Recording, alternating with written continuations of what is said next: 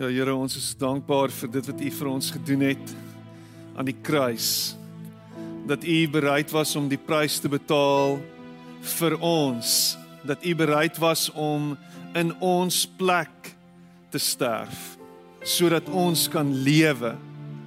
Here, ons is vandag net weer eens in verwondering voor U, voor U grootheid en U almag. En wie is En ten spyte van wie jy is, ten spyte van u grootheid, ten spyte van die feit dat u die wêreld in die holte van u hand hou, Here, maak u bemoeienis met ons. Staan u stil by elkeen van ons. Stel u belang in ons. Is u lief vir elkeen van ons? Here, vandag is ons Here net weer bewus daarvan dat ons u geliefdes is. Ons is dankbaar daarvoor, Here. Dankie dat ons nie hoef bang te wees vir u nie, maar dat ons met vrymoedigheid na u toe kan kom en in die teenwoordigheid kan staan net soos ons is. En dat in daardie teenwoordigheid Here ons verander word, ons gevorm word, ons geskep word, gemuld word na u beeld. My gebed is dat U by elkeen van ons sal stil staan, met elkeen van ons sal praat. Here, elkeen van ons se lewens sal sal werk. Elkeen van ons sal ontmoet net daar waar ons is en ons sal beweeg na 'n nuwe plek toe. Here alles het 'n koersaanpassing met 1 graad van 1 graad. Here dat dit dat dit 'n wesenlike verskil sal maak oor die lange duur. Here kom skep in ons 'n nuwe 'n nuwe denke, Here, 'n nuwe hart. Maak ons nuut. En ek bid dit in Jesus naam. Amen. En amen. Baie dankie. Jy kan sit.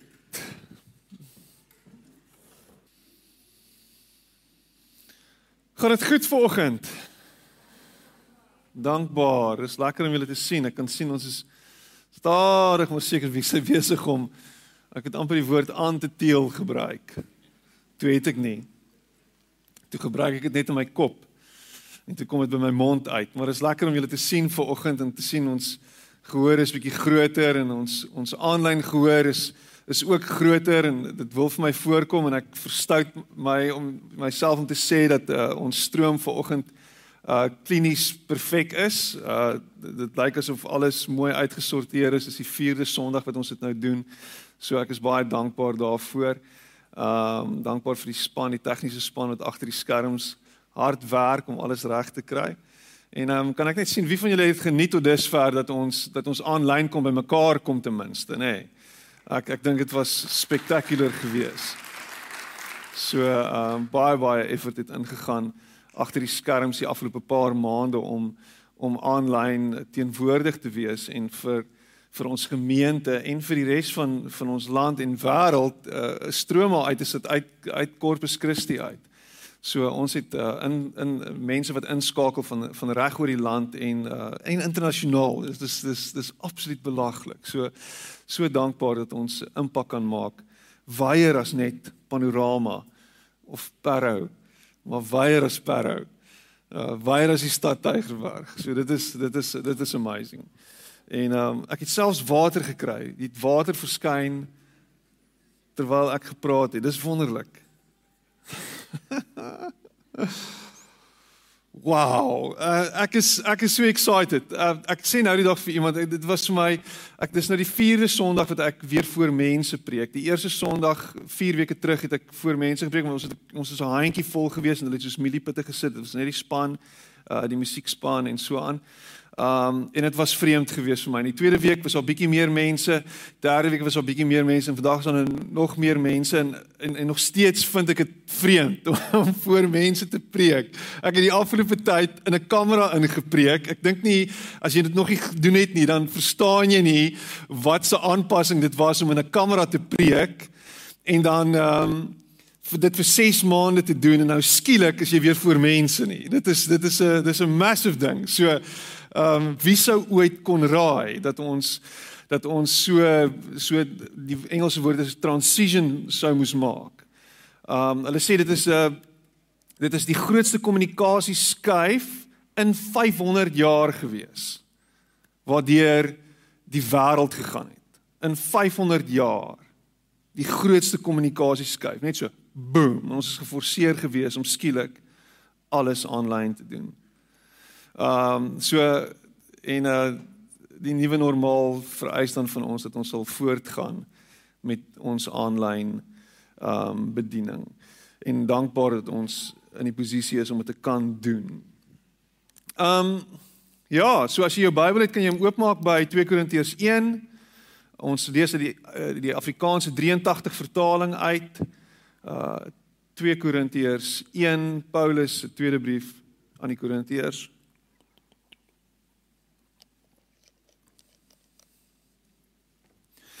Um ek het 'n uh, boek raak gelees van Carol Dweck en miskien het jy gehoor al daarvan Dr. Carol Dweck se die boek geskryf Mindset.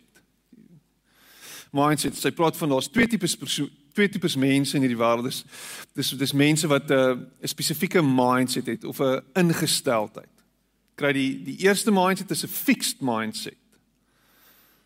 En die tweede een is 'n 'n growth mindset. Ou wat 'n fixed mindset is, is iemand wat sê dat ek is wat ek is Ek is soos wat ek is en ek gaan nie regtig verander nie. Ek kan dalk een of twee goeders anders doen, maar hoe ek is is 'n kombinasie van gene en van my DNA en van afkoms en herkoms en hoe ek groot geword het. Dis 'n 'n fixed mindset. En dan kry jy iemand wat 'n growth mindset het en hy sê, weet jy enigiets kan verander. Ek het 'n ek het ek het 'n bepaalde talente, maar ek kan dit ontwikkel, dit kan verander, dit kan beter raak, my intelligensie kan groei, ek kan as ware ontwikkel. 'n Fixed mindset sê, dit wat my gebeur, gebeur. En die wêreld is die is is swaalf deterministies. Dis dis klaar uitgewerk en ons is maar net deel van hierdie patroon en ek is net 'n slagoffer van wat met my gebeur. So ek sit nou maar hier en alles gebeur met my en ek vat dit maar soos wat dit kom. Net het jy al iemand gehoor wat so praat? Ek vat dit soos dit kom. Die ou met die growth mindset sê weer, hy sê dit wat met my gebeur verander my. En dit wat met my gebeur, kan ek op een of ander manier toepas tot my voordeel. Ek kan kyk hoe dit wat met my gebeur dalk verandering kan bring going forward. En ek sien dit nou in hierdie tyd hoe daar sekere dele van my is waar ek worstel met my fixed mindset. In in my eie lewe besef ek dat ek sekere goeders vir myself uitgemaak het en ek is ek gaan dit so navolg. Maar in hierdie afgelope 6 maande het ek besef, joh, hier het 'n klomp goed gebeur en verander en sekere maniere van dink en sekere maniere van doen is is amper uitgedien. En ek sal moet aanpas in hierdie nuwe realiteit.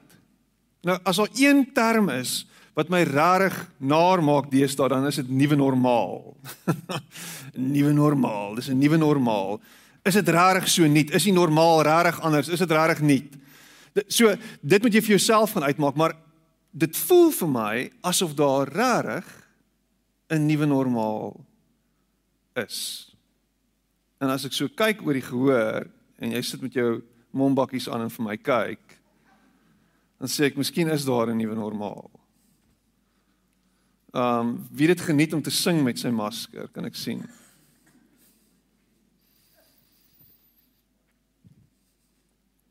So net net net so een of twee goedjies. Iemand met 'n fixed mindset en ek gaan nou van dit af wegstap. Is baie interessant en ek uh, is nou in die proses om die boek behoorlik te bestudeer en te lees, maar iemand met 'n fixed mindset sê uitdagings is goed wat ek vermy.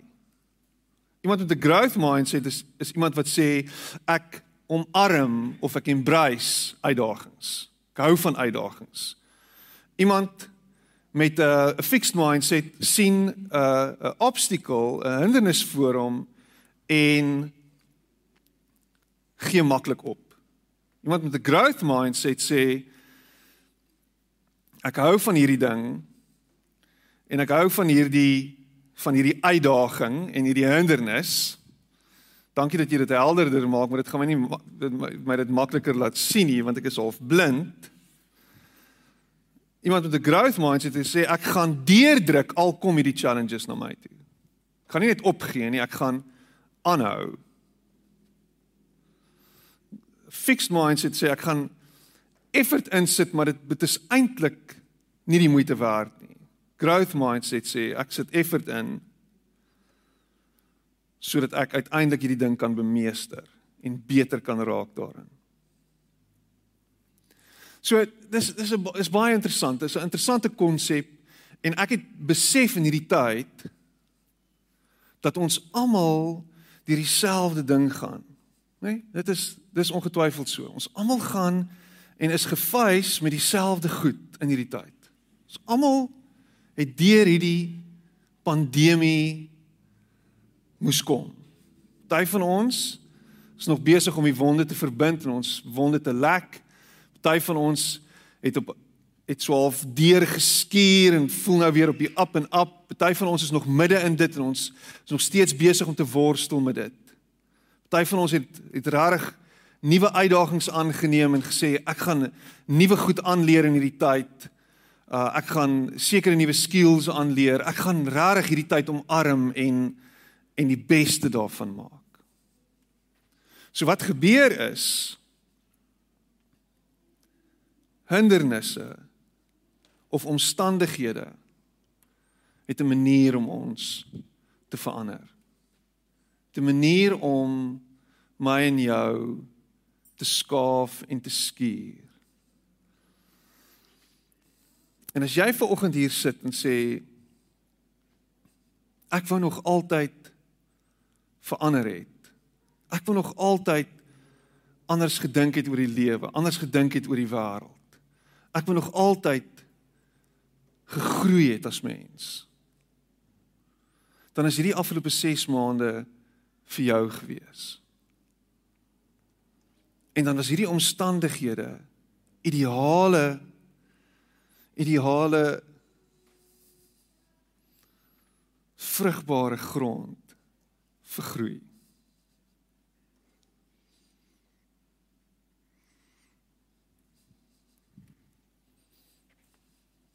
Van dit was nogal taaf geweest.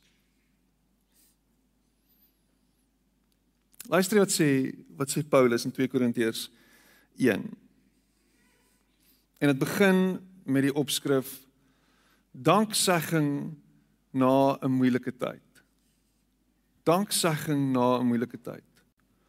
Aan God, die Vader van ons Here Jesus Christus, kom al die lof toe. Hy is die Vader wat hom ontferm en die God wat in elke omstandigheid moet gee.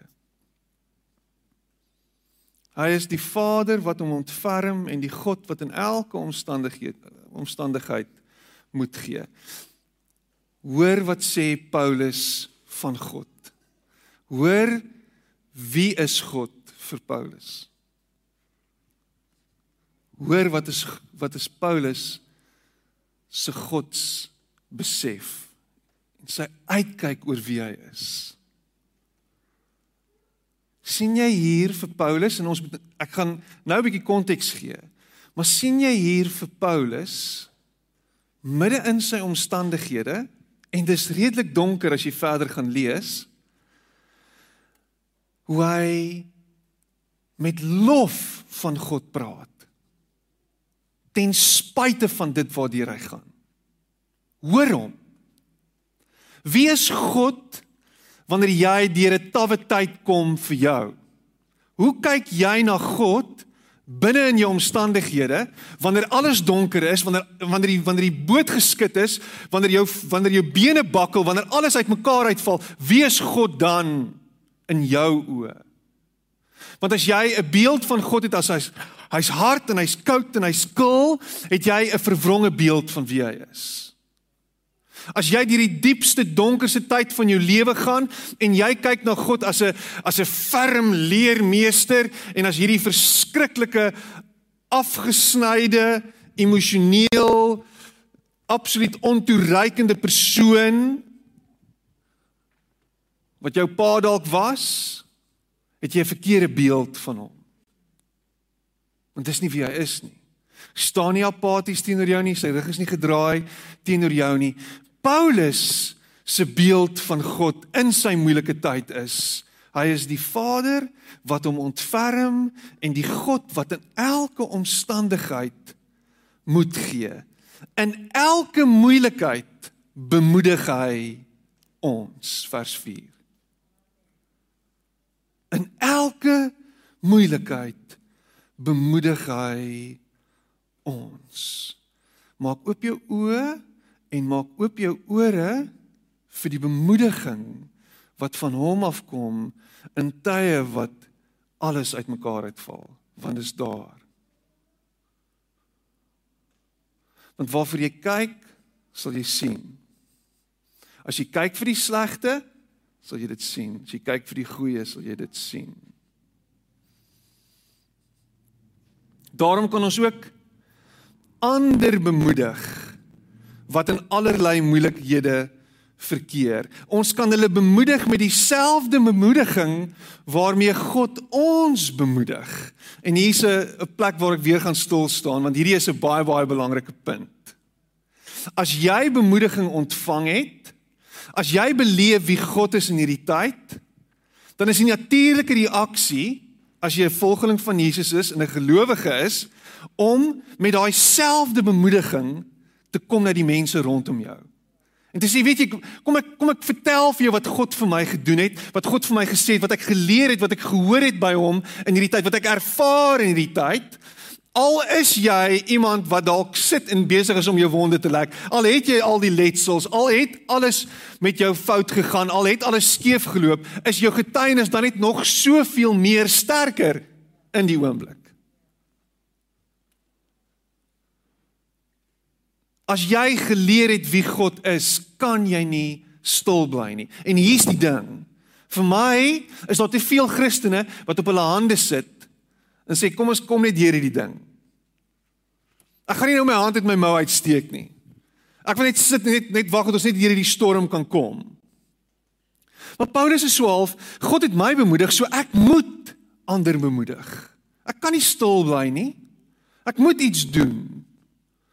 Ek moet praat. Kind van God, volgeling van Jesus, liggaam, deel van die liggaam van Christus, jy moet praat. Jy moet vertel. Jy moet bemoedig. En ek dink dit is makliker as ooit in hierdie tyd om mekaar te bemoedig. Ek vind met al die al die maniere van kommunikeer, met alles al al die toerusting tot ons tot ons beskikking, is dit dis so eenvoudig om net uit te reik en te sê kom ek bemoedig iemand rondom my.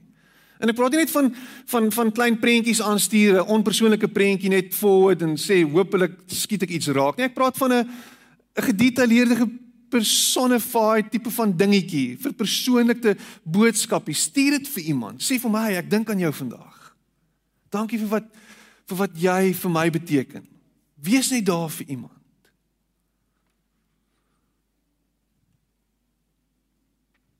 As jy iets geleer het, dan bly jy nie stil daaroor nie, jy praat daaroor. Ek het 'n goeie voorbeeld hiervan en ek gaan my vrou weer gebruik as voorbeeld. Sy het ek het haar laas gebruik en sy het my gesê jy jy jy die storie heeltemal verkeerd gehad. Die spinnek het uit my hand geloop. Hy was nie daar in die hoek gewees nie. So toe sê ek ek ek sê ek dink ek ek sal dit regstel. Die spinnek het glo oor haar hand geloop. Dis hoekom sy so geskree het as jy die preek geluister het laasweek. Maar my vrou het hierdie spesiale gawe om kennis of inligting oor te dra aan enige iemand wat sy voel kennis of inligting nodig het. OK? So ons sal in 'n winkel wees, dan sal sy hoor die vrou praat met haar man en sê ek dink dit of dit of dit. Dan sal Marlies na toe gaan en sê, weet jy wat nê? Nee, daai een is nie daai een is regtig goed. En dan dan dan kyk die vrou gewoonlik kyk hulle op na haar toe want sy staan langer as hulle. Sy sê ek het nou gedink hierdie ek het ek het gedink hierdie een waarvan jy nou praat is is goed maar ek het ek het hierdie een probeer en dis baie beter. En gewoonlik sal die vrou baie dankie sê en ehm um, en actually die besluit maak en sê ek sal dan nou hierdie ding kies of wat ook al. Daar was 'n geleentheid gewees wat sy ehm um, 'n man gesien het rondstap en hy moet doeke koop en hy hy kies hierso 'n doek en Marlie stap na hom toe en sê nee, weet jy, hierdie doek werk nie. My my ondervinding is dat hierdie doek beter werk. En die ou kyk aan en sê my vrou het gesê. en dis sê sy moenie worry nie, jou vrou het gesê, doen dit reg. Volg volg jou vrou se raad. Maar maar wat gebeur is is as jy geleer het dan deel jy daai ondervinding. En dis hoekom ek vir baie lief is, want sy doen dit so oulik. As jy geleer het, dan deel jy.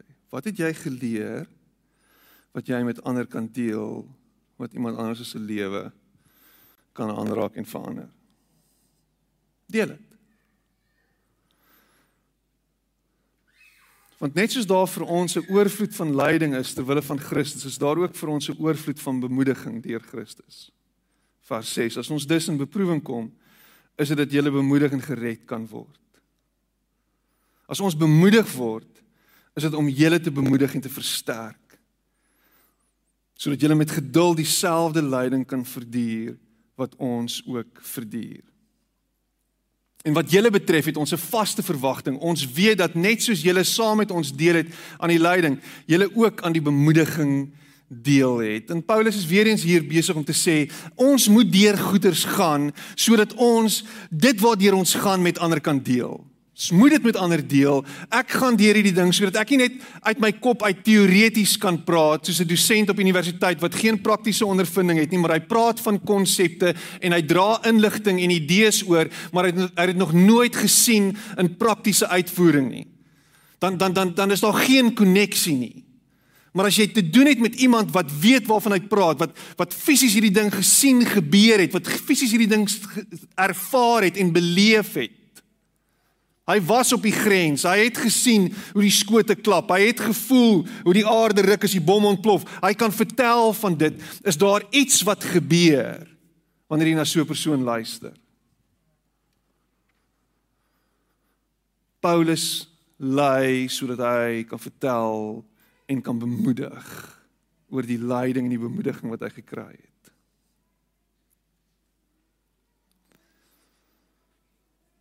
In vers 8. Ons wil hê broers dat julle moet weet van die moeilikhede wat ons in die provinsie Asië ondervind het. Ons wil hê broers dat julle moet weet van die moeilikhede wat ons in die provinsie Asië ondervind het. En daar is nie vir ons genoeg konteks hier nie. Al ons is nie heeltemal seker presies waarvan Paulus praat as hy hier praat nie. Ons weet nie regtig waartoe hulle gegaan het nie. Al wat ons weet en hy gaan dit nou vir ons sê waartoe hulle gegaan het was dit was angswekkend, dit was verskriklik en hier is 'n Christelike kliseë wat ek vandag wil steek met 'n mes en wil doodmaak. En dis goed wat ons glo en dis 'n ding wat ons baie keer ons hele lewe opbou en dis 'n ding wat ons vir ander mense ook sê en met hulle deel. En ek gaan dit nou vir jou sê en hier is die hier is die hier is die klise wat jy al gehoor het. God gaan ons nooit bo ons kragte God gaan ons nooit gee meer as wat ons kan dra nie. Kan meer cope nie. Dit gaan nooit te veel wees vir ons nie.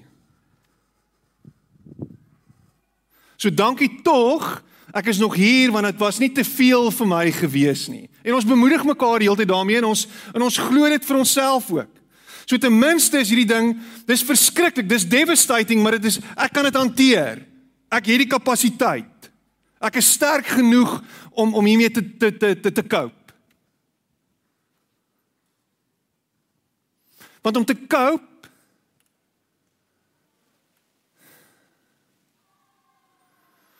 En om adversity te face, like my sit in ons almal se mondering. Ons het die krag, 'n ja man, ja. Ons het die gees, 'n ja man, ja. Ons het dit en ek gaan nou begin. Klink soos die MTBS. En ons glo dit. So en wat ons dan vir mekaar sê is wanneer wanneer die ding wanneer die die, die pop op die fan tref, dan sê ons vir mekaar, weet jy wat? Ruk jouself net reg, want jy het dit. You've got this. Jy het dit. Jy kan jouself hier uitkry. Jy het die skills, jy het die gifts, jy het al die goeders tot jou beskikking. Jy kan dit maak. Jy kyk vir jouself in die spieël en herhaal dit oor en oor en oor. Ek het dit. You've got this. Want die krag is binne in jou. Maar dan hoor wat sê Paulus. Hy sê die swaar wat ons moes verduur het ver bo ons kragte gegaan. Die swaar wat ons moes verduur was ver bo ons kragte gewees. Sodat ons selfs die hoop om te bly lewe laat vaar het. Kan ek dit weer sê? Dit was ver bo ons kragte gewees. Soveel so Paulus sê dat ons selfs die hoop om te lewe laat vaar het. Was jy al ooit daar gewees? Dat dit ver bo jou kragte was? Dat jy selfs die hoop om te lewe laat vaar het? Want dis waarheen ons gaan. Dis waar ons beproef word. Dis waar ons lyding is. En wat vir my ver bo my kragte is, is vir jou dalk nie ver bo jou kragte nie. Maar daar's iets wat ver bo jou kragte is wat dalk al daar was of wat nog kom en waarmee jy moet gaan head on staan en dit face. En sê, "Wow, hierdie ding is hier, dis te veel. Ek gaan alle hoop om verder te lewe laat vaar."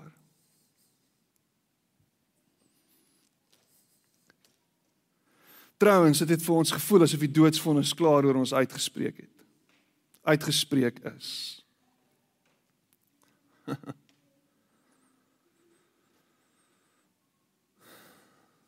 maar dan gaan hy aan.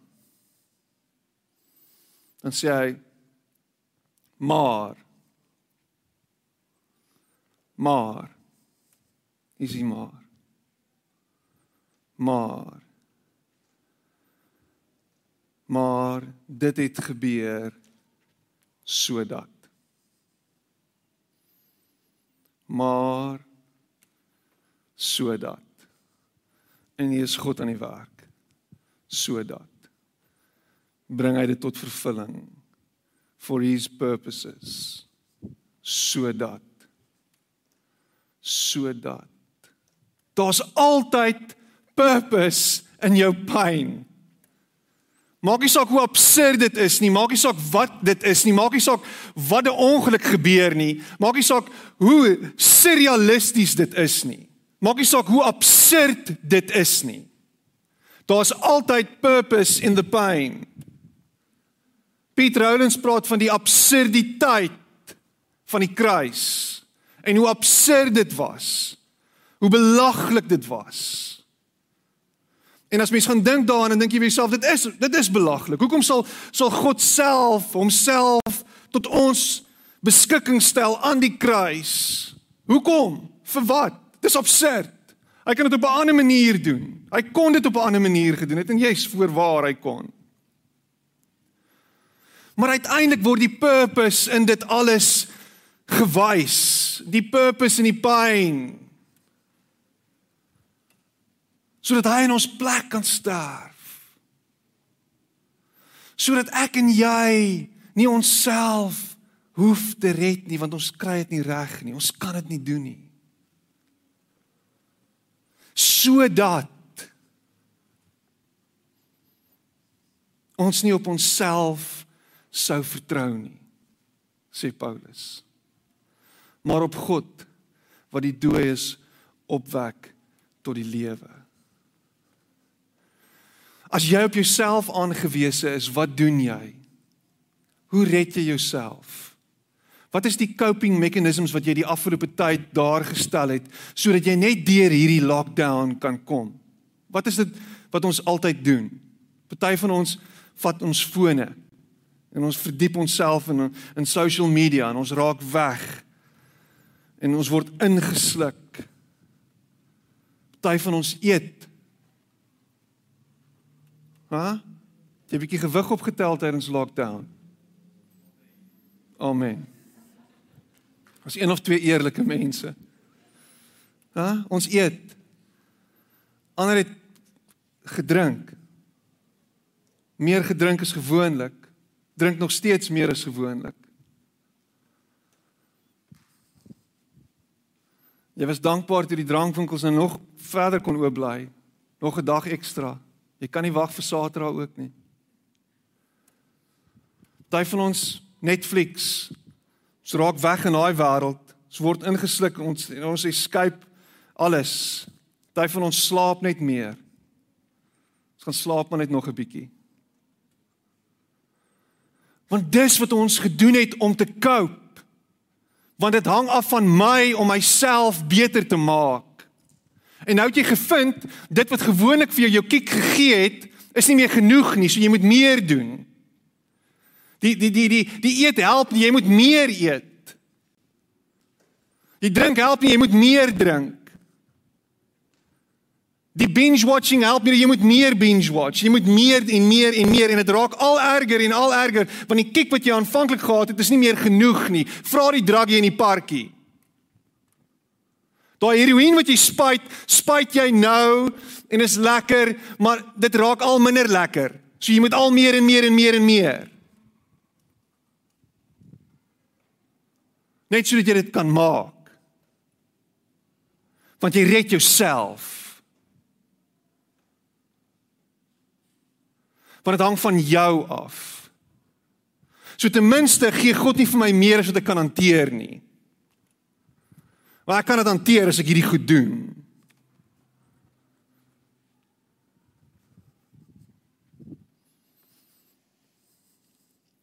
En so wen ons probleme. Maar Paulus sê, maar dit het gebeur sodat ons nie op onsself sou vertrou nie, maar op God wat die dooies opwek tot die lewe. En hoe langer jy gaan staatmaak op jouself en hoe langer jy jouself gaan medicate en hoe langer jy self gaan ontvlug en self probeer cope en self al hierdie goeders gaan uitwerk, hoe dieper en dieper en dieper en dieper gaan jy in die gemors in. Hoe verder en verder en verder en verder verder en verder val jy. En dit af om te sê hierdie goed werk nie. Ek gee oor God help my. God red my. En wanneer jy oorgee, dis dan wanneer God kom en hy sê, "Oké, okay, kom ek wys vir jou wat ek kan doen." En dit wat ek kan doen is ek kan dooies lewendig maak. En wanneer jy sê ek is nou dood, die doodsvonnis is oor my uitgespreek. Dis klaar gevel. Ek klaar moet op ek gee oor. Ek kan nie meer nie. Ek dis dan wanneer hy kom en sê, "Oké, okay, kom ek haal jou uit." En dis wat met Paulus gebeur time and time again. En dit is hy wat ons vers 10, dit is hy wat ons uit so groot doodsgevaar gered het en ons weer sal red. Op on op hom is ons hoop gefestig. Hy sal ons ook verder red. Waar is jou hoop in hierdie tyd? Wie is jou hoop in hierdie tyd? Want kom ek kyk vir jou in die oë vandag en sê jy is nie die antwoord nie. Jy het nie die antwoord nie. Die antwoord is altyd Jesus. En hy staan hy sê, "Kan ek jou red of gaan jy nou aanhou om dit self te doen?" Gaan jy gaan jy nou aanhou hiermee? Dis 'n pa wat wat wat wat by sy kind staan en sê ek kan jou help, gaan jy my toelaat om jou te help? Nee, ek sal. Ek kan my niks vertel van ek sal nie. Nee, ek sal. Nee, ek sal. Los, ek sal. Dis reg, hou aan. Kyk wat gebeur. Gaan nie uitwerk nie. Want is net God wat jou in hierdie tyd kan deerdra en aan die ander kant kan uitbring. Die vraag is gaan jy toelaat dat hy dit doen?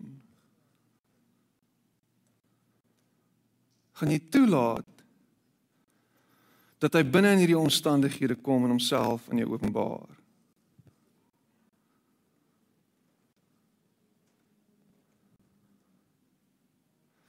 En dit gaan van jou vra om op te hou kyk na jou omstandighede. Want wat jy doen is jy's besig om te fikseer op alles wat verkeerd is. Ek uh, dit so 'n paar jaar terug het ek lesse gehad om uit te passeer op 'n motorfiets. So ek ry al motorfiets my hele lewe lank en ek het een ding geleer by die instrukteur wat ek wat ek geweet het maar nog nooit gehoor verbaliseer is nie. Hy sê as jy met jou motorfiets ry, dan kyk jy nie voor jou nie. Jy kyk daar. OK? So as jy om 'n draai gaan, dan kyk jy na die einde van die draai. Jy kyk nie hier voor jou in die draai nie. Want waar jy kyk is waar jy ry.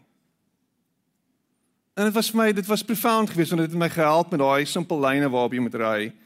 En dan moet jy so ry en dan moet jy in 'n agterry en alles. Jy kyk verder voor jou. En toe ek ek en my vrou eendag uh saam met mense gaan motorfiets ry het en ons ry op 'n op 'n ou se groot BMW motorfiets en ons is in 'n draai. Kyk ek op en soos ek opkyk, sien ek die barrier en soos ek die barrier sien, sien ek hier kom ek nou vir die barrier. En hoe meer ek die barrier wil mis, hoe meer kyk ek vir die barrier. En wat ek doen is ek reset, sit kyk op En ek onthou in daai vlietende oomblik kyk in die draai. En toe ek opkom, gaan my kop en ek lê weer en ons draai en ons is deur die draai. She is none the wiser. Kan nie vir seker nou net hier amper teen 'n kraans afgejaag nie. Maar as jy gaan aanhou kyk vir die omstandighede, gaan die omstandighede jou insluk.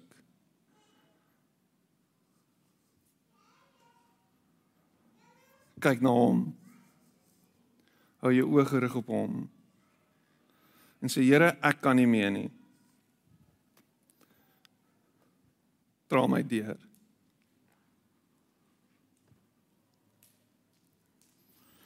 So miskien is hierdie omstandighede besig om jou te verdrink en voel dit vir jou dis te veel vir jou.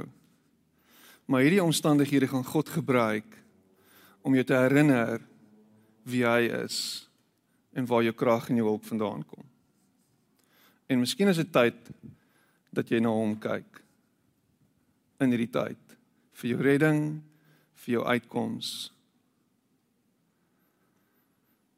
as jou bron van hoop.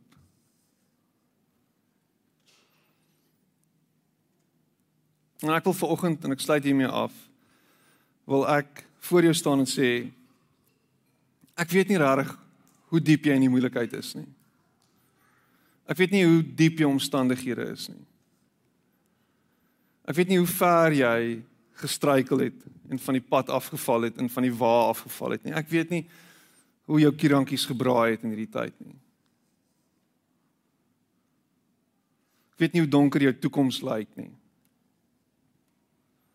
En ek wil dit nie afmaak nie. Maar ek wil vir die volgende sê is maak nie saak hoe donker dit is nie.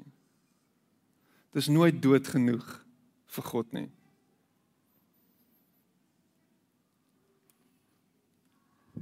Hy wil jou uit dit uithaal. Hy kan jou uit dit uithaal. En hy gaan. Dra jou gesig en dra jou oë na hom toe en sê Here, hierdie ding lyk vir my baie donker. Maar ek kies nou om weg te kyk en ek kyk nou na U vir my hoop. Te lank het ek probeer om dit self uit te sort. Te lank het ek probeer om dit self te fix. Ek gee dit nou vir U. En Paulus sê dit het ons na God gedraai. Dit het ons na God gestoot. Moenie weggaan van God af nie. Gaan na hom toe. Kom ons sit net so en dan gaan ons saam bid. Here ons sit vandag hier en Dis donker. En al die geluide wat gemaak word is donker geluide. Maar dankie dat U 'n God van redding is. 'n God van herstel is, 'n God van opwek uit die dood uit is. En vanoggend is hier mense wat sê en daar by die huis wat sê ek ek kan nie meer nie. Ek weet nie hoe nie. En my gebed is Here dat hulle sal opkyk na U toe. Nou oomblik. U lig sal skyn en sal sê kom. Stap na my toe. En dat dit hulle uitkoms sal bewerkstellig. Dankie dat U ons red, Here dat ons nie onsself hoef te red nie. Dankie dat U dit kan doen. En U doen dit vanoggend. En ek spreek dit in Jesus naam. Amen. En amen.